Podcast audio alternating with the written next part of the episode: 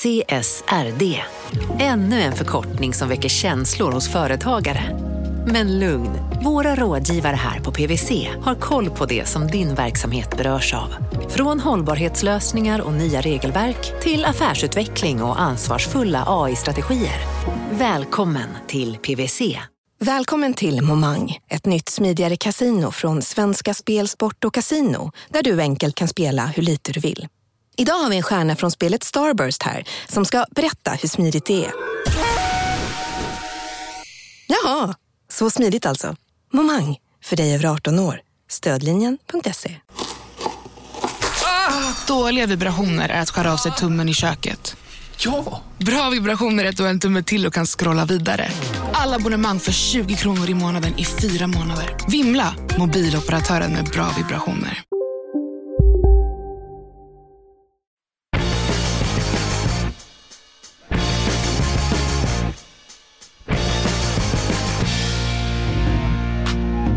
Blodbad för bitcoin. Kollaps för Terra Lunas UST och Bored Ape vill skapa en egen blockkedja. Ja, det är blåsigt i kryptomarknaden, kära vänner. Coin efter coin levererar årssämsta på årssämsta. Varenda plånbok visar röda siffror och folk paniksäljer till höger och vänster. De kallar oss krypto, hoppas kunna erbjuda dig någon slags tröst idag eller åtminstone lite kunskap så här i dessa stökiga tider. Jag som pratar heter som vanligt Mårten Andersson och eh, vid min sida som alltid Gunnar Harjus. Du, Hej. hej. Hur eh, tänker du kring allt det som händer nu? Nu är inte du kanske den mest tyngst investerade eh, jag känner i just krypto, men du har ju ändå lite pengar i sparande. Ja, försvinnande lite tror jag i förhållande till de flesta som lyssnar och... eh, och Till den, de förmögenheterna du annars sitter på. Exakt. Ja.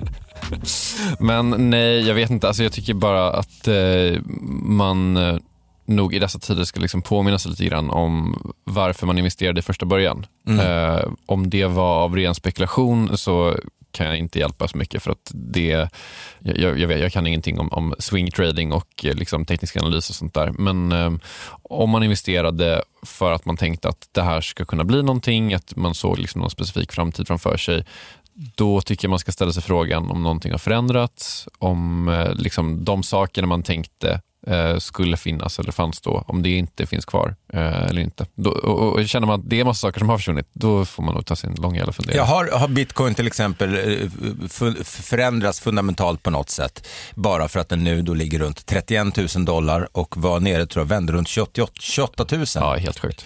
eh, mot när det var som allra högst då 69 000 dollar. Så, men då kanske man får just göra som Gunnar säger, fråga sig själv, har någonting förändrats eh, eh, och hade man stoppat in pengar som man var beredd på att förlora eller inte? Eh, jag för egen del så, eh, jag, du, jag var ju, jag spelade in ett ljudmeddelande till dig igår, jag var Mm. inte glad. Nej, för jag var nära att spara det. Det skulle du ha gjort och släppt som en NFT. Ja, för fan. Alltså, det, var, det var någon slags kondenserad kryptofrustration. Eh, Ja, nej, jag var inte glad igår och jag är inte glad idag heller, men jag känner att jag har gjort just det. Jag har investerat på lång sikt. Jag grämer mig över att jag inte sparade lite pengar och kunde köpa nu när det är så pass lågt, förhållandevis lågt. Det är mycket möjligt att det går ännu lägre, men det kan lika bra sticka uppåt. Men nu hade man ju velat köpa in sig och så känns det lite orättvist att man upptäckte något tidigt och så kommer folk som börjat lyssna på podden typ eh, i, igår och kunna köpa det mycket billigare än vad man själv gjorde. Men det, man får vara glad för andras skull. Men det som oroar mig kanske mer då än bitcoin är ju eh, det som händer med Terra Luna. ja, herregud alltså. Alltså det är ju så stökigt med, eh, med UST som då är Terra Lunas stablecoin. Och där man pratar om då att eh, såklart den precis som eh, USDT eller USDC eller de stablecoins som finns ska ju vara värda en dollar. Om det är dollar vi pratar om och UST, US Terra, alltså det står ju då för det är en dollar. Den ska vara värd en dollar. Den sjönk så lågt som tror jag till 0,60. Alltså 60 cent var en dollar värd. Och det blev kaos. Mm. Ska vi bara förklara lite hur det här ekosystemet funkar? Det är då tänkt då, det, det, det heter då Terra, alltså ekosystemet och deras huvudsakliga coin heter Luna. Eh, Och det finns då en, en stablecoin som heter UST som eh, Morten säger då ska vara eh, värd en dollar. Och, och den finns för att man ska liksom, för erbjuda stabilitet i det här systemet på något sätt. Det är det premissen. Ja, premissen är väl att eh, vad Do Kwon, som är grundaren av det här, eh, ofta återkommer till är ett sm- smarter money, mm. eh, smartare pengar. Och eh, att eh, för, som det funkar då, så för varje eh, Luna som skapas så bränns det UST till samma värde och tvärtom. Och ju fler UST som används, desto mer Luna bränns. Så, så funkar det då. Men som stablecoin så eh, är det ju den enda, eh, alltså den största, inte den enda, den största decentraliserade stablecoinen. Mm. De andra har ju stora företag bakom sig. Exakt, och, och, bara en, en detalj som jag lärde mig idag som jag inte riktigt fattat med det här innan, för du är mycket mer deep Luna än, än vad jag är. Men, men, att det är ju så att det är inte första gången som en, en UST inte är värt en dollar, men de kanske brukar gå ner till 98 eller 99 cent. Mm. Och det som händer då är för att du kan alltid, den är, inom systemet är den alltid värd en dollar. Så att kostar en Luna 50 dollar så kostar den 50 UST då. Mm. Oavsett om, om, om UST är värd 98 cent eller en dollar. Så då är det tänkt att du kö, liksom köper 50 UST för lite mindre än 50 dollar och kan då köpa en Luna för det. Och på så sätt ska liksom man hålla UST på en dollar. Det ska liksom vara en stabilisator. Arbitrage. Ja, precis. När det blir arbitrage så, så kommer det utnyttjas och då driver man upp värdet till en dollar igen. Det är det som har varit premissen. Men nu tappade man peggen. Ja, exakt, vilket ju är en fullständig katastrof och eh, Lunas pris dök. Eh, det har ju dragits ner med alla andra eh, alltså, altcoins. Var det 49 procent idag, vi spelade in tisdag kan jag säga. Ja. Eller senaste 24 timmarna. Ja, men alltså den all time high, ungefär 120 dollar. När jag kollade innan vi började spela in idag var den på 31 dollar. Så det är ju brutalt. Mm. Men vi ska också säga att det är inte bara Luna som har, det är ju all, som alltid när bitcoin, när kungen faller, ja då faller eh, bönderna med den, eh, i det här fallet då altcoins. Men, eh, men det här med, med just peggen, det, jag pratade med en av dem som eh, vet allra mest om Luna, eh, eh, som jag känner och frågade honom då om det här och han menar på att så länge USD användes inom Terras ekosystem så var det mycket lättare att kontrollera. Men nu har ju alla olika bridges, olika blockchains som liksom är, är connectade och som också använder UST och allt fler exchanges som har börjat lista UST som stablecoin och jag menar den har ökat enormt och då tappar man kontrollen eh, tydligen. Eh, men det får ju ändå inte hända. Så frågan är vad som händer nu här. Mm. Det är ändå, vi pratar ju om det som har då alldeles för bara en vecka sedan var eh, världens sjätte största kryptovaluta. Ja. Eh, så att eh, jag hoppas, jag kommer inte sälja någonting om man frågar mig så. Eh, och det handlar mycket om att det man gör för att säkra upp ekosystemet eh, är ju att man låser sina pengar i, i Luna, och vilket jag då och många andra har gjort. Eh, och då, då är det en unlock på 21 dagar. Så även om jag skulle bestämma för nu, shit jag vill sälja, då får jag inte tillbaka dem förrän 21 dagar och det är ju en evighet i kryptosammanhang. Så att jag, jag sitter, sitter lugnt i båten och varför jag har dem låsta är ju då för att jag får rewards i form av Luna. Just det, och det har varit en jätte, det har varit 20 procent eller något sånt där. Det är väl det som är Nej, men det är då Anchor eh, och då, där stoppar man in UST. Just det, och okay. även An Anchors då, där det har varit 19,45 procents ränta, har ju också sjunkit och, och påverkats av det här. Så det är ju Ja, det är enormt stökigt. Jag kan ibland känna, eh, Oskar Broberg som var här, alltså forskaren, eh, kryptoforskaren som vi kallade honom, eh, mm. Mm. han beskrev ju krypto som kapitalism på digitala steroider. Och jag kan känna ibland, man speedrunnar ju allting hela tiden i krypto, inklusive en krasch går ju dubbelt så fort som krascher gör i den vanliga kapitalismen och, och en, en pump går dubbelt så fort. Och det enda som inte går dubbelt så fort är ju liksom reglering och typ stabilisering någonstans. Mm. Uh, och att det känns som att vi speedrunnar lite olika typer av olika typer av finansiella, ganska komplicerade produkter eh, här och, och ser liksom, så här, okay, vad händer om man tar två olika valutor och bygger olika broar mellan dem och så kan man stejka dem på ena men man kan inte stejka dem på andra? Ibland kan jag bara känna så här, typ, om man inte förstår produkten när de pitchar för den, då ska man kanske ge fan i den. Typ. Mm. Och eh, Det är väldigt många av de här grejerna som är extremt jävla svåra helt enkelt. Och det går, vi har varit inne på det förut, om man pratar user experience och, och så vidare, att, att, det är ju väldigt svårt att hänga med i allt som händer. Och menar, ibland känns det verkligen som att det är enorm växtverk. Och då blir det ju såna här grejer. Eh, för egen del och för er som har investerat i, i saker och ting, så vill jag, jag håller med Gunnar. Fundera på varför ni gjorde det och och eh, eh, sen tar ni beslut utifrån det. Men jag tänker också ibland, eh, och gjorde det även det i morse då när jag såg det här, att bara så här, Jean-Marie Mognetti och company från Coinshares gick ut och sa det bland andra att de ville investera i Luna, att de mm. tittade på det. Och jag har svårt att tänka mig att de inte har ställt frågan, vad händer om peggen eh, släpps. Känslan är väl att förtroendet för en så kallad stable coin eh, Mm. Är naggat i kanten? Betydligt mer än så. Va? Alltså, det är svårt att tänka sig, alltså, hela poängen är ju, det här ska vara en dollar i digital form på något sätt, och, eller i kryptoform. Och om risken finns överhuvudtaget att den kan gå och plötsligt vara värt 70 cent, så tänker jag att den aldrig kan bli värd 100 cent igen. För då, då, man måste räkna in den risken. Liksom. Mm. Men eh, jag vet inte, jag tycker att det finns, det är några saker på tal om så här, vad, vad har man, har någonting förändrats? Har, har man liksom, finns det några fakta, några grundläggande grejer som är annorlunda? Gäster i den här podden och många andra har ju liksom pratat om, eller pratade kanske för ett år sedan eller två år sedan om eh, bitcoin och krypto som en inflationshedge och som en okorrelerad liksom, eh, finansiell tillgång som liksom in, när börsen går ner ska det inte påverka bitcoin. Det är ju ganska uppenbart att de inte stämmer längre. Att nu för tiden är krypto en korrelerad liksom, finansiell tillgång och det är inte en skitbra inflationshedge verkar det vara heller. Nej, Definitivt inte. Det, det kan vi ju eh, vara väldigt klara med och att det snarare följer. Jag menar, folk pratar om att man ville att Wall Street och andra, kanske inte alla, men att institutioner skulle, vad heter det, ad, adopt... eh, Ja, alltså, ja, adoptera heter det adoptera. heter det absolut eh, inte, men, ja, fattar, men vi fattar vad du menar. Ja, Ja. Eh, bitcoin. Men när nu det väl har gjorts då och det, ja, då vill man ge sig in i leken får man väl leken tåla lite grann så. Men att det är någon hedge är det ju inte utan snarare att det följer SPX och så vidare. Ja. Ehm, All right. Det okej. här är ju typ det nyheterna handlar om, men vi kör väl nyheter då? Ja. I princip alla kryptovalutor fick ta emot hårda slag den här veckan. Men kraschen i Luna får nog ändå ses som en av de värre.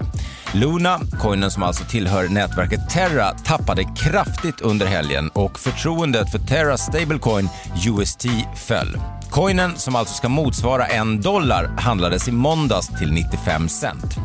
Terra-organisationen LFG sålde då bitcoin till ett värde av 1,5 miljard dollar för att säkra USTs värde. Men det har inte räckt. UST föll tillfälligt ner till 60 cent. Coinen har alltså tappat sin peg mot dollarn. stablecoin known as Te- Terra USD had declined in value. And it, I, I think that simply illustrates that there are risks to financial stability and we need a framework. Kryptobörsen Binance går in med 500 miljoner dollar i Elon Musks bud för att köpa Twitter. Musk fick för förra veckan ett bud på 44 miljarder dollar godkänt och samlar nu in pengar för att faktiskt genomföra köpet. Binance backning spär på de ryktena om att Musk kommer att ta Twitter in i en kryptovänlig riktning. Veckans beef. Förra veckan rapporterade vi om Bored Apes nya NFT-släpp som ledde till en ny högsta dagsomsättning någonsin för NFTs. Efterspelet kring släppet har dock präglats av missnöje från alla läger. Köparna är missnöjda för att gasfisen, alltså avgifterna för att göra överföringar på ethereum, blev skyhöga. Bored Ape-bolaget Yuga Labs är missnöjda för att de fått ge motsvarande 300 000 dollar i kompensation till köpare som drabbats av de höga avgifterna och förespråkare från ethereum är missnöjda med att Yacht Club hotar med att lämna ethereum. Yuga kommunicerade att det var oerhört tydligt att Yacht Club och den tillhörande Apecoinen skulle behöva skapa en egen blockkedja varpå ethereum-utvecklaren Mark Balin kallade Yuga Labs för “con artist of the highest order”.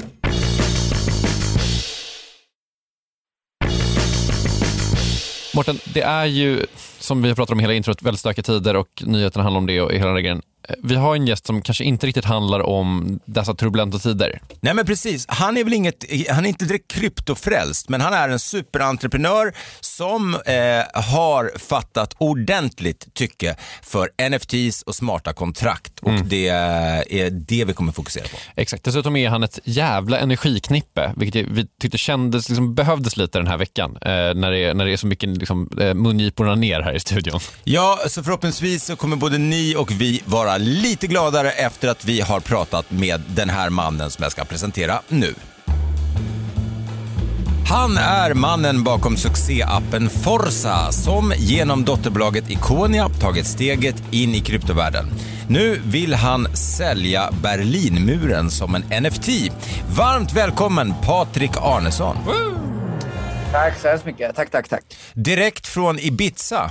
Jajamän, det stämmer. Alltså, du är på Ibiza, du är inte i studion med oss. Eh, nej, nej, och jag är väldigt glad för att inte vara i studion med er, måste jag säga. Ja, sorry. Ja, vi är väldigt, eh, inte så glada att vi inte är på Ibiza. Jag hade gärna varit där just nu. Eh, men vad kul att ha dig i podden och eh, som sagt, vi har konstaterat var du befinner dig, Ibiza där du bor vid vinterhalvåret då. Men, eh, men vi börjar med, hur, hur är läget? Var, i, i, var befinner du dig i livet? Mm, ja, men det, är, det är väldigt bra. Jag, är liksom, jag har sagt upp mig som vd på Forza Fotboll, som du nämnde där, och är all in på NFTs och smarta kontrakt. Och det känns liksom som att jag är... Eh, det känns som en stor eh, grön äng av ogjorda produkter inom den här marknaden och vi ligger väldigt långt fram och, och gör massa spännande projekt. Så jag känner mig som ett barn i en godisbutik helt enkelt, där eh, man bara kan plocka åt sig, för det är ingenting som är gjort. Så jag är väldigt exalterad över världen och var vi befinner oss och alla möjligheter och eh, att liksom, ja, men vi, vi är tidigt i ett nytt techparadigm, ett nytt techskifte och eh, det är lite som jag känner när vi började med Force och gjorde den här appen, fast jag är liksom tre år tidigare. Det är, folk eh, fattar ingenting av det här ännu. Eh, så de har ingen aning om vad NFTs är och potentialen i det. Och de flesta är väldigt skeptiska eh, mot det. Och det älskar jag, för då vet man att man är rätt ute. Liksom, när jag började appa så var folk skeptiska också, inklusive jag själv. Men det är ganska bold move eh, att eh, ändå säga upp sig från en vd-roll i ett bolag man har startat och eh, eh bara sk börja skriva på ett nytt papper, tomt blankt papper. Hur kan du vara så säker på att du satsar rätt? Eh, jag känner igen anledningen till att Forza, har ju 15 miljoner nedladdningar. Och eh, den huvudsakliga anledningen till att vi har 15 miljoner nedladdningar är för att vi var väldigt tidiga på appmarknaden.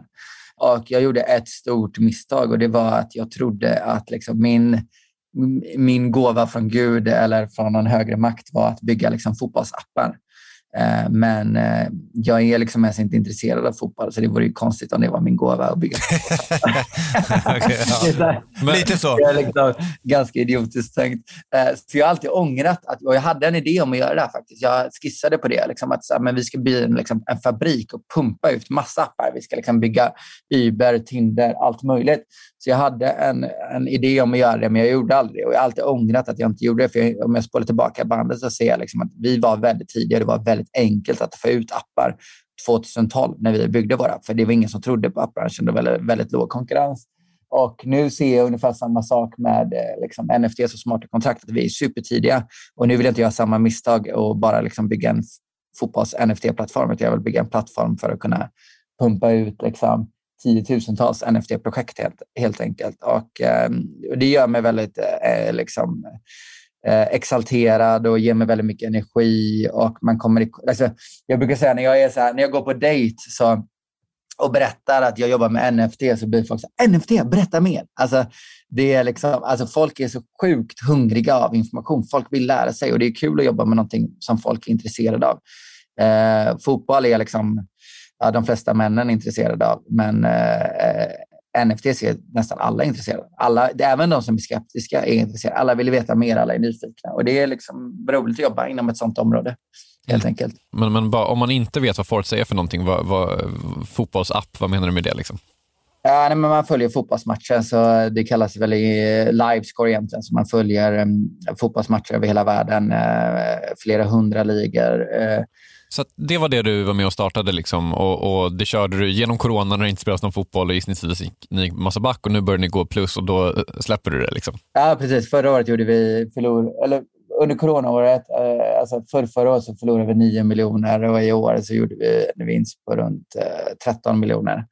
Så det var liksom en liten berg och dalbana kan man säga. Och nu eh, går det, liksom, ja, men, går det väldigt, väldigt bra. Men, eh, och jag har gillat fotboll för att det har varit en chans. Fotboll i stort, det är, liksom, man brukar säga fotboll, sex och religion är de tre största intressena i världen. Och då, då, då är det intressant att jobba med fotboll. Men nu ser jag verkligen möjlighet att förändra hela världen. För liksom, vi har återuppfunnit kontraktet och det, är liksom, det kommer bli väldigt, väldigt stort. Så det är därför jag också ville fokusera på Ikonia då, som är vårt eh, NFT-ben. Men det är svårt att ändå inte dra paralleller här mellan, mellan fotboll och NFTs. Eh, vi hade, om det var förra veckan, som vi hade en gäst som var här, eh, för övrigt väldigt intressant. Eh, du som inte lyssnar på poddar eh, kanske ska lyssna på den eh, ändå, eh, Patrik. Men han berättade bland annat om olika segment de investerar i och kikar på. Och just play to earn Eh, och där man då pratar om ett, fi, ett decentraliserat Fifa egentligen, där då det bygger på NFTs, eh, där spelare är NFTs, där du spelar upp spelarna till olika kvaliteter och sen kan liksom trada och sälja dem. Vad tänker du kring det? Är det liksom, eller vilka banor tänker du kring, eh, kring ert, er satsning på NFTs? Ah, nej, men alltså, jag, jag känner till dem. Det är goals du pratar om, eller? Ja, exakt. Ah, ja, men, eh, det är superintressant och det segment, segmentet är superintressant. Men så det som jag ser den stora poten, potentialen i liksom, NFT-kontraktvärlden ehm, eh, eller smarta... Jag försöker liksom ändra namn från NFTs till smarta kontrakt. För NFTs är för komplicerat för folk att fatta. Och Det blir också att man drar det till liksom, krypto, eh, konst och board apes. Och det, det är inte vad liksom, smarta kontrakt är eller vad NFTs är. Det är bara ett applikationsområde. Så jag försöker prata om smarta kontrakt och liksom hela min vision är att ta det till vanliga människor, alltså utanför kryptomänniskor, utanför NFT-människor och få folk att förstå liksom, storheten i uh, smarta kontrakt. Så jag vill bygga, jag brukar säga att jag vill bygga liksom, iPhonen av smartphones. Så det fanns ju massa smartphones innan iPhone, men problemet var att de var inte användarvänliga. Ingen fattade dem och så vidare. och Så vidare. Så de fick ingen liksom, adoption rate. Det hade en så adoption rate på liksom 1 och sen kom iPhonen som hade exakt samma teknik men gjorde det enkelt att använda och enkelt att förstå. Och Det är lite det vi vill göra med, eh, med smarta kontrakt, att göra det tokenkelt. Eh, liksom, jag vill att min pappa ska förstå liksom, eh, smarta kontrakt och NFTs. Så vi vill bygga liksom, plattformen för alla som vill göra ett NFT-projekt. Så lite så, istället för att bygga en app i App Store så vill vi bygga App Store. Liksom, kan man säga. Eh, och Det är en ganska hög ambitionsnivå, men det, jag tror att det går också för att vi är... Vi kommer inte, jag, jag är ju totalt okryptointresserad. Liksom. kommer inte från kryptovärlden överhuvudtaget, och, eh, men, eh, utan gillar produktutveckling generellt. Så jag tror att vi, är man för inne i krypto så tror jag det är svårt att göra NFTs eh, eller smarta kontrakt enkelt, för då blandar du ihop det med krypto. Jag försöker liksom dra isär krypto och smarta kontrakt. Så det är det vi har gjort med att betala, köpa NFTs med kreditkort jag, jag, tror inte vi behöver liksom gå in så mycket på att det ens är NFTs när vi, när vi eh, säljer det. Alltså, utan snarare använda fördelarna med, det, med kontraktet eh, istället. Så... Du pratade då inledningsvis här om ungefär, eller att ni vill släppa tiotusentals NFTs, eller om, om, mm. man så vill, smarta kontrakt. Men du mm. nämner också att ni vill göra, snarare än en app, så vill göra en app store. Vad är det du ser framför dig då? Eh, hur ser den här appstoren ut och vad, vad kommer den innehålla? Nej, men då är det så här att egentligen vem som helst ska kunna sätta upp ehm, ett NFT-projekt utan att behöva någon sorts liksom, programmeringskunskap eller någon kryptokunskap. Min pappa ska kunna sätta upp ett eget NFT-projekt. Liksom. Så enkelt vill jag att det ska vara. Och eh, vem som helst ska kunna köpa de här NFTs utan att behöva krypto eller någon. Det ska vara enklare än att köpa på Amazon helt enkelt. Så vi vill vara liksom infrastrukturen helt enkelt för alla NFT-projekt i världen och det är det vi har börjat göra nu. Då. Så nu har vi till exempel gjort en betalningslösning som vi ger till eh, andra bolag som vill göra NFT-projekt. Så vi säger så här, ah, nu, nu har ni bara krypto, nu kan vi ge så att folk kan betala med eh, kreditkort också. Lite som Klarna för NFTs. Och så får de en liten grej som de liksom lägger in på sin sajt helt enkelt. Det är den första produkten vi har byggt.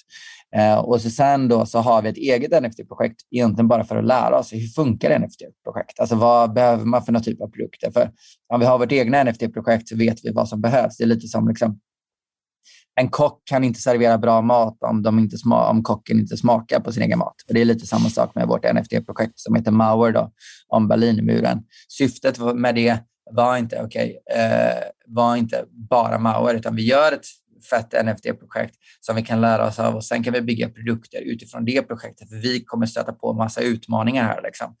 Och då bygger vi de produkterna och så ger vi dem till eh, andra bolag. Så nu har vi ja, men fem kunder på vår, vår betalningslösning. Och så sen bygger vi en annan produkt nu som vi kallar Shortlist som är liksom första fasen i ett NFT-projekt, när man ska släppa ett NFT-projekt. Hur får man folk att bli engagerade och exalterade och sprida det här projektet? Så det är liksom nästa produkt vi bygger nu som vi lanserade tillsammans med, det är faktiskt med en fotbollsspelare, Andrea Pirlo.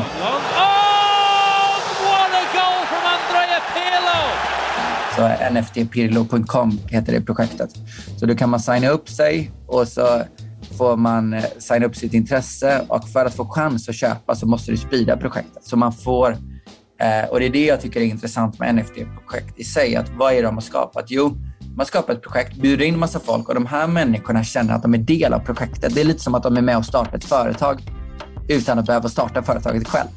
Det tror jag är liksom, Eh, det mest intressanta i liksom, NFT-projekt. Att det, man pratar om community, det är viktigt att bygga en community och så vidare. I början när jag hörde det var så här, ja, ja, absolut. Liksom. Men sen när vi gjorde det här med Mauer, alltså, vi är en och vi satte upp vår Discord. Vi är liksom, förra veckan var det en som skrev så här, ah, men jag är ledsen att jag inte varit här så mycket. Jag håller på att skilja mig med min fru. Men så jag lägger mest tid på Twitter nu, men jag tänker fortfarande mycket på projektet. Alltså, trodde du skulle säga, jag tänker fortfarande mycket på min fru. Nej, nej, nej, nej, nej. Alltså, han, du vet, han liksom, du vet, han känner, ja men jag måste berätta om min skilsmässa liksom, för ja. NFT-projekt. Alltså för att han känner att han är del av det. Alltså, mm. Och det här är, det här är, det är liksom, folk är så här, men det handlar inte om att tjäna pengar, utan det handlar om att men folk blir del av någonting som är... Det är om man kollar på lycka så finns det ju i, i princip ingen korrelation mellan lycka och pengar om du har nått över en viss nivå som är typ 40 000 i månaden eller sådär. där. men däremot finns det en stor korrelation mellan lycka och sense of community. Att känna sig del av ett större sammanhang. Och det är precis det som jag tror är det stora värdet med NFT-projekt. Och det är därför jag tror att det kommer till värde över världen. För att folk, de här människorna som är med i vårt projekt, de, igår hade vi liksom ett möte med alla Mauer-ägare med 100 pers där vi sitter och pratar då om vi skänker 51 procent av våra intäkter till välgörenhet.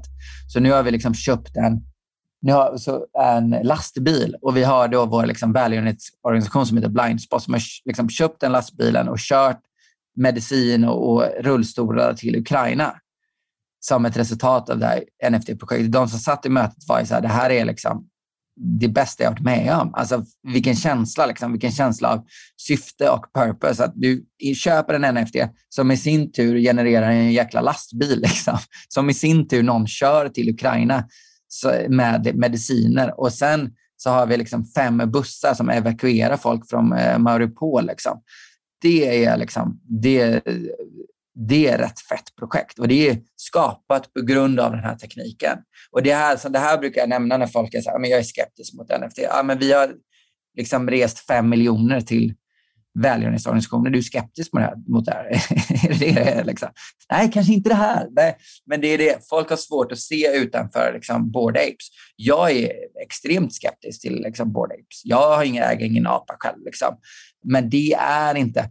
Bored Apes är liksom, om man ska hårdra lite så brukar jag säga, det är liksom pruttapparna av appvärlden. Det är det första. Det är så här, vad var de första apparna? Jo, det var en app där man kunde dricka öl så här. Och folk sa så här, fan vad löjligt med appar. Liksom. Att man kan dricka öl ur en app, fan vad löjligt. Liksom. Men det var ingen som fattade att vi skulle gå till doktorn med hjälp av en app. Det var ingen som fattade att vi skulle beställa en taxi med hjälp av en app. Det var ingen som fattade att vi skulle träffa vår fru med hjälp av en app.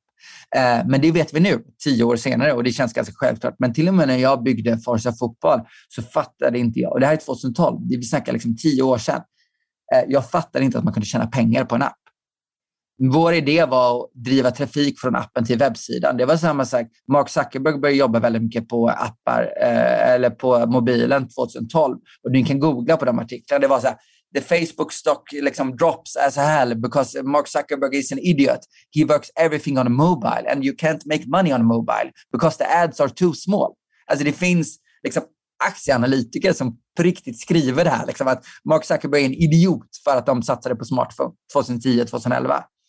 Eh, och det här är ju samma sak nu. Han anses ju vara lika stor idiot nu som lägger så mycket pengar på liksom, eh, Meta och så vidare. Men om det är någon som är duktig på att se de här techskiftena så är det ju han. Men, så folk har väldigt svårt att se potentialen här. Det är samma som spelbolagen. Vi pratar ju med appspelbolag nu. Ni borde göra liksom, ni borde göra NFTs i, inuti era spel. Och de är så här, äh, vi tror inte på NFTs.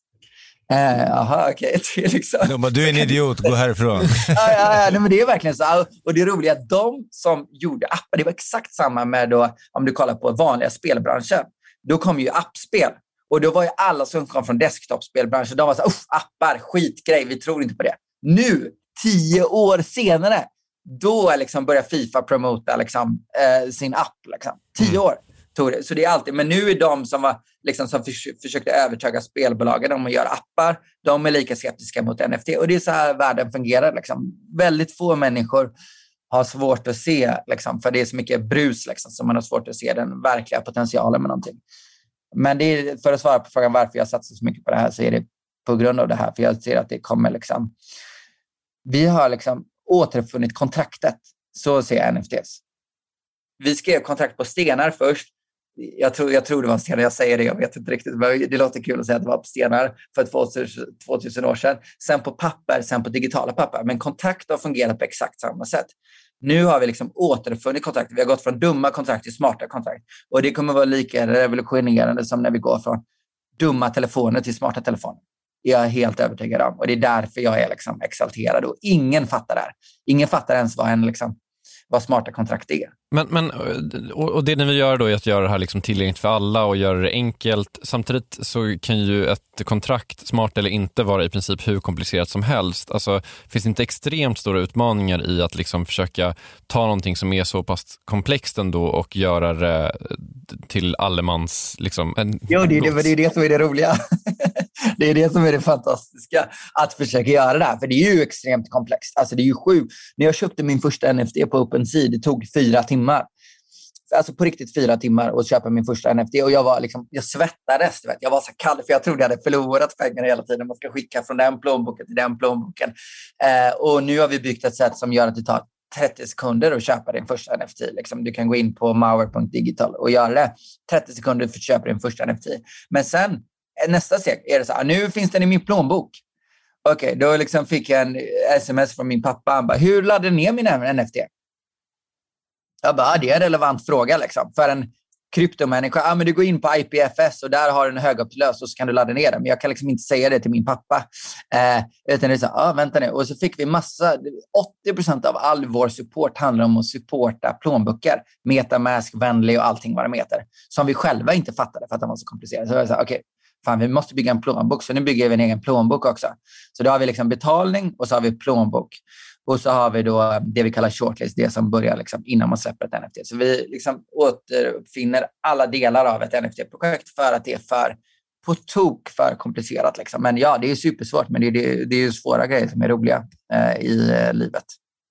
Men, men, eh, riskerar man inte liksom att om man förenklar någonting som är komplext så försvinner en del av komplexiteten. Men det försvinner ju kanske också en del av eh, funktionen. Och alltså nu, nu pratar du mest om bilder tycker jag det låter som. Om man, om man tänker liksom NFT på ett bredare plan så tänker jag att det kan vara eh, betydligt mer komplicerade kontrakt än en, en bildkontakt. Ja, liksom. Men det behöver inte slutanvändaren se. Alltså det är som att göra, ta iPhone som ett perfekt exempel. iPhonen hade färre funktioner än Blackberry. Den hade ens inte MMS. Och då gick Nokia-chefen ut och sa den kommer aldrig flyga den här telefonen för den har inte MMS. För många tror att produktutveckling handlar om teknik. Nej, det handlar inte om teknik. Det handlar om liksom, user interface och user experience. Det är produktutveckling. Liksom, det finns hur många blockkedjor som helst. Vi behöver inte en till blockkedja. Det finns hur mycket funktioner som helst. Vi behöver inte en till funktion. Vi behöver någonting som är enkelt att ta till sig. Liksom. Eh, och men produktutveckling handlar om att ta någonting som är väldigt komplicerat och göra det enkelt. Och det är det liksom Apple och Steve Jobs var väldigt duktiga på, att förenkla grejer. Och det är det vi vill göra. Så ta typ vi jobbar nu till exempel med, ett, eh, med en Oscar-nominerad producent som vill göra sin nästa film som en NFT. Och då skulle liksom en kryptomänniska skulle sagt här, ah, men vi gör ett token och så sätter vi upp en egen valuta och så låter vi folk stejka den valutan och så sen om du stejkar den valutan så kan du få pengar tillbaka i en, du vet, bla bla bla bla bla. Och ingen fattar någonting. Eh, så hade en kryptomänniska gjort och jag säger så här, okej, okay, coolt. Du vill göra en film. Okej, okay, um, jag tror att många andra också vill göra en film. Och det är det här som är det stora värdet. Då är det, liksom, det vi säljer är så här, var med och gör en film tillsammans med en Oscar-nominerad producent. Fransk dessutom. Uh, du får vara med under hela processen, post-production, production, pre-production, allting. Och för att kunna vara med i den här processen så köper du en NFT som är en filmrulle. Liksom. Och då får du vara med, du har Zoom-möte med den här producenten och så vidare. Och skulle det visa sig att den här filmen går jättebra, då kan du även tjäna pengar på resultatet av att den här filmen går bra. Det är liksom ett enkelt sätt att göra det. Eh, och det är så vi försöker göra det, liksom kommunicera våra projekt. Men som en NFT i någon slags eh, crowdfunding slash eh, att få vara med i en kreativ process? Exakt, exakt. Eh, så det är så här, vad Kickstarter försökte vara men aldrig blev. Liksom, eh, helt enkelt. För jag tänkte säga det, varför behöver man en NFT för det här? Varför kan man inte bara använda Kickstarter? Jo, men för det är ju kontraktet då. Då är det så här, I det här kontraktet så, bes, så, bes, så, beskriver vi att ett, du är delägare, du äger en procent av den här filmen. Liksom. Mm. Två, om filmen går bra så får du ut någonting av det. Och tre, för att kunna få tillgång till innehållet så måste du använda din NFT. Alltså du låser upp innehållet med din NFT. Liksom. Och så sen i det här fallet också så får du du äger faktiskt en sekund av filmen. Mm. Så du liksom får din egna sekund av filmen. Och om Kickstarter hade gjort det så hade de sagt ah, men du får gå på premiärvisningen först. Mm. Okej, okay. that's, that's fucking boring. Liksom. Att äga en sekund av filmen, vara med i Zoom-möten med producent, alltså det är coolt. Och det är också det som är, liksom, vad, vad tillför smarta kontraktet? Jo, alla vet att alla har gått med på det här och vi kan faktiskt programmera smarta kontraktet så att när det genererar intäkter så betalas det ut direkt till de plånböckerna Just det. som äger. Alltså det, och det är där är innovationen. Liksom.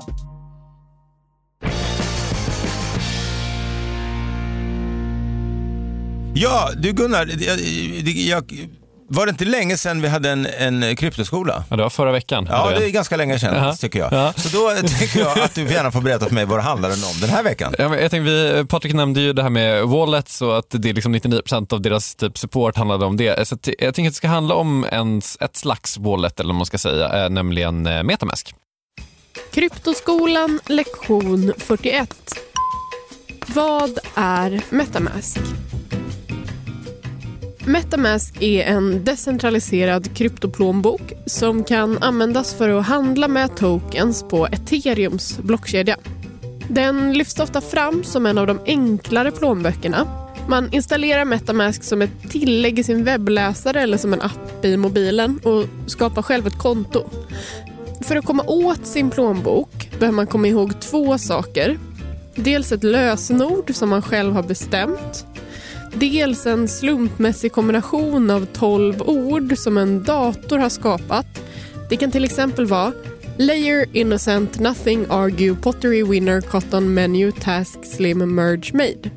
Så länge du har de här två sakerna kan du sen, förutom att handla med Ether, koppla upp dig mot en massa dApps, eller dappar, alltså decentraliserade appar som hör till ethereums blockkedja.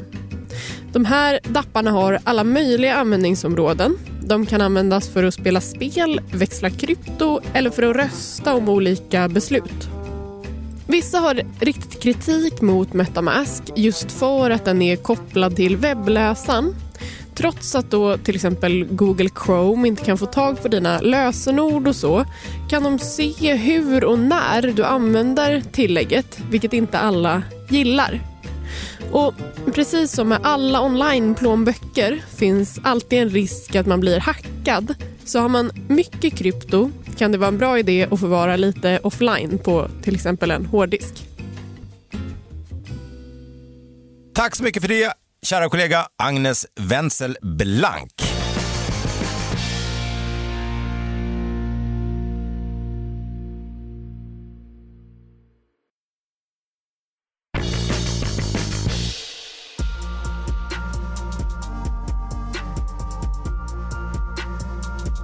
Men, men vad blir incitamentet för eh, en Oscars-nominerad eh, producent eller regissör att, eh, eh jag förstår om han har brist på idéer, att han behöver tusentals NFT-fans eh, som då kanske gillar hans filmer sedan tidigare och har massa idéer. Men det blir ju enormt mycket admin och det kräver ju enormt mycket utav honom då för att sitta i alla de här mötena med folk som kanske inte kan film.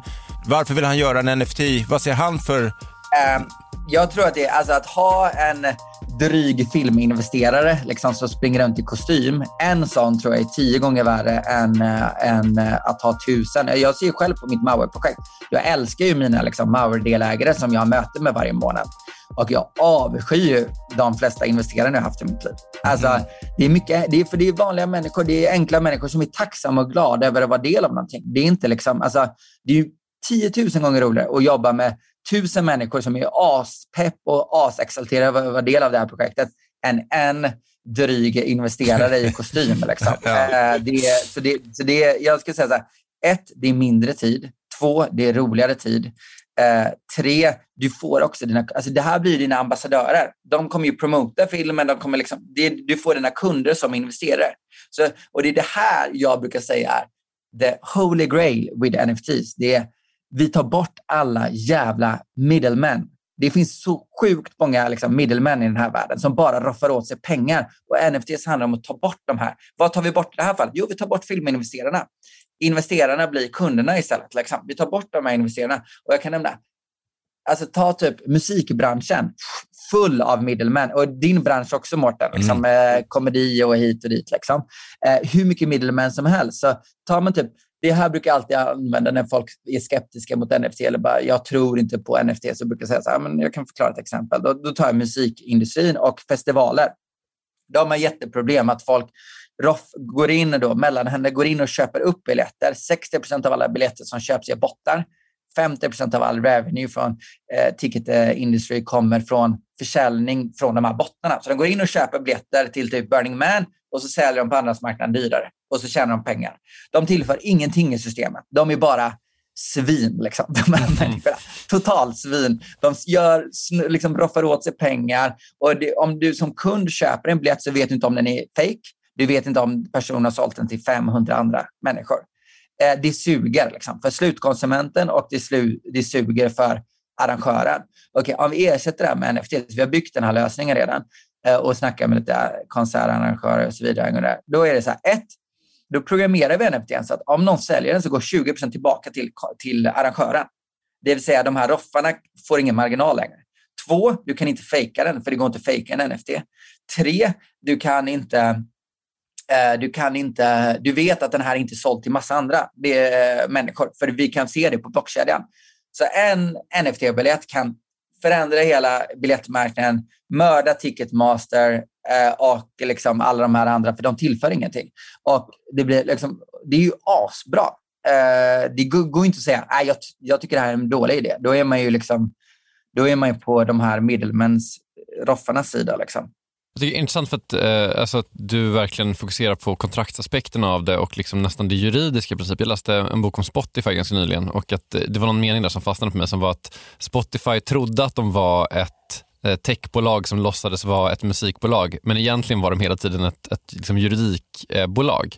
Och att det är först när man typ så kan få det juridiska att funka på ett, på ett vettigt sätt som man kan eh, göra typ real change. Det låter som att du beskriver det här på lite samma termer på något sätt. Alltså det och i kombination med den här känslan av att vara del av någonting som är större än en själv. Alltså vara del av den här communityn. Alltså, ni ska inte underskatta den delen. Och det är det jag tror. Jag tror de som äger Bored Apes, jag tror inte, alltså genuint så tror jag inte att den största värdet de ser är att de tjänar pengar på det här, utan jag är del av den här communityn. Det är det som är liksom huvudvärdet här, eh, helt enkelt. Och det är det jag tror liksom, eh, kommer göra det här eh, intressant. Så vi jobbar ju med typ artister nu liksom, där vi vill göra då ett, eh, så jag ser NFT som en nyckel för att komma in i en värld. Alltså för att få tillgång till någonting. NFT blir liksom nyckeln för att komma in i det. Så vi snackar med rappare då som ska göra ett NFT-projekt. Men då är det så här, ja, men vad får man ut av den här NFT? Jo, du får den här konsten, men framför allt så får du komma backstage i hans liv. Han kommer springa runt liksom, med en GoPro-kamera hela sitt, liksom, all sin vakna tid. Och du kommer in i hans liv för att du äger NFT. Och det är där jag tror det är verkligt intressant är. Det där kan eh, ibland eh, skrämma mig dock lite grann. Som, eh, jag har jobbat som komiker i, 20 år och eh, planerar att fortsätta göra det några år till parallellt med allt annat. Men just det här, och det kanske är för att jag börjar bli eh, en fat cat, att jag, eller så är det att jag har två små barn, men att jag, jag hade inte velat gå runt och filma mig själv och göra alla de här sakerna som det känns som att dit NFTs är, på, jag är väldigt pro såklart, men där det känns utifrån ett artistperspektiv att man måste ge upp eller snarare ge ut väldigt mycket av sig själv för att bygga det här communityt och då nästan vara tillgänglig kanske dygnet runt och sitta i space eller liksom eh, andra liknande möten veckoligen och prata om saker och svara på frågor för att få karriären att flyga. Att de här nycklarna som du pratar om just bara kommer bli kommer nästan döda det som man faktiskt ville göra. I mitt fall stå på scen och dra roliga skämt och ibland släppa videoklipp på dem. Det är det jag vill göra. Och är jag rappare så kanske jag vill göra feta konserter och allt annat. Så jag undrar lite hur det kommer skriva om eh, musik, comedy och allt, all annan typ av artistverksamhet eh, om det börjar bli sådana krav på att lyckas i framtiden. Vad tänker du kring det? Ja, alltså jag skulle säga att det redan är de kraven. Alltså om du kollar på de här youtubersna, tiktokerna, alltså de, för dem är det så här, men kolla på typ eh, Margot Dietz som filmar liksom sin förlossning. Alltså, det är ju det folk vill ha. Alltså det är ju, jag men så här, det är ju skvaller. Liksom. Varför fanns skvallertidningar liksom, förr i tiden? Folk älskar att komma nära någon. Liksom. Och Det är exakt det folk vill ha. Sen kommer det ju vara folk som inte vill ge det och det finns säkert fans som inte behöver se det heller. Jag tror ju, alltså min hypotes är liksom att den nya religionen är influencers. Jag tror liksom att vi kommer dyrka influencers mer än vad vi liksom dyrkar religioner idag. Det är så jag tror framtiden kommer se ut och varje influencer kommer att bli en egen liten sekt av människor. Liksom. Ta dig då, liksom, Mårten. De, de sourcar ställen där du ska uppträda. Liksom. De säljer biljetter åt dig. De, eh, de liksom ger feedback på dina skämt. Alltså de blir liksom nästan som din manager. Liksom. Alltså, det är den nivån jag vill skapa. Det är det jag tror, ja, men det är så jag tror det kommer bli. Det, det, är mitt nya liv nu. Jag har tusen managers som förklarar hur dåliga mina skämt är. Det låter som en sanslös jävla mardröm. Alltså. alltså det, är, det är sjukt roligt alltså, att vara med på de här och det är liksom, ger sjukt mycket energi för folk är glada, folk är positiva, folk älskar. Tänk att ha ett möte med tusen av dina bästa fans som älskar dig. Alltså, det är ju, kan du tänka dig någonting bättre? Liksom? Ja, det kanske är jag som faktiskt är lite, har blivit lite trött och gammal och måste börja tänka nya banor, vilket är, alltid är, är, är roligt. Vi ska säga att du har drivit en, en ståuppklubb som på något sätt då är en middleman då mellan andra komiker och publik eh, i, i, flera år. Ju. Absolut, men jag är också en väldigt snäll middleman. Jag betalar bäst av alla i branschen. Alltid något. Men grymt! Eh, Patrik Arnesson, eh, det, det, har varit eh, en av de eh, mest färgsprakande eh, intervjuer vi har gjort på länge i den här podden. Verkligen. Det var verkligen en, en, en välbehövlig injektion efter den eh, enorma smäll på käften man fick i morse utav eh, Terra Luna och bitcoin och egentligen allt som har med krypto att göra. Mm. Så tack för insikterna och den enorma framtidsvisionen som du ser positivt framför oss. Ta hand om Patrik. Ha det. Okej, ciao. Jag känner mig gladare efter det här. Ja, men det är svårt att inte känna sig glad. Vissa människor har ju bara någonting eh, som, som Patrik, där man bara känner hela ens energi förändras. Tycker jag också är väldigt ovanligt att ha eh, den typen av energi blandat med en så liksom klar vision, en, en visionäritet, ett ord jag hittar på nu. Mm. Ja, nej, jag har ju gått från att eh, vilja åka till Bauhaus och köpa en takbjälk och ett rep eh, till att eh, åka till Systembolaget och köpa en flaska kristall. Ja, jag känner att eh, framtiden ser ljus ut. Eh, men, eh, otrolig intervju och ehm, vi eh, ska försöka göra vårt bästa för att försöka få med Patrik Arnesson också på Nordic Crypto Summit. Eh, eh, när vi la på så kändes det som att det fanns väldigt goda möjligheter för det. Mm. Och eh, för er som inte känner till Nordic Crypto Summit så är det Skandinaviens största kryptoevent som sker i Stockholm den 22 september. Biljetterna, håll i er nu, biljetterna är ute nu. Så är det. Eh, jag kommer vara tvungen att klippa in mig själv när jag berättar om olika rabattkoder och hemsida och sådär, för det vet inte jag exakt just nu. Men eh, här kommer klipp när jag säger det. ja, eh, Gunnar i framtiden. NordicCryptoSummit.com är hemsidan. Gå in, vi har ett gäng riktigt härliga gäster, flera grymma namn tillkommer och om man använder sig av koden DKOK, alltså DKOK, så får man en sån jävla superrabatt att hälften vore nog. oerhört stor i den här rabatten. Eh, DKOK i koden nordiccryptosummit.com, begränsat antal platser. Eh, Mårten, eh, nästa vecka så är vi tillbaka förhoppningsvis med eh, att vi kan behålla den här energi- energin in i nästa vecka. Ja, och eh, en sista grej om eh, Nordic Crypto Summit är att det är ett begränsat antal biljetter som då finns eh, till ett rabatterat pris. Så don't sleep on NCS. Så är det. Tack för den här veckan. Tack så mycket Gunnar. Tack Mårten. Tack för att ni lyssnar och eh, hoppas vi hörs igen. Det gör vi i så fall nästa torsdag. Tjingeling. Hej då.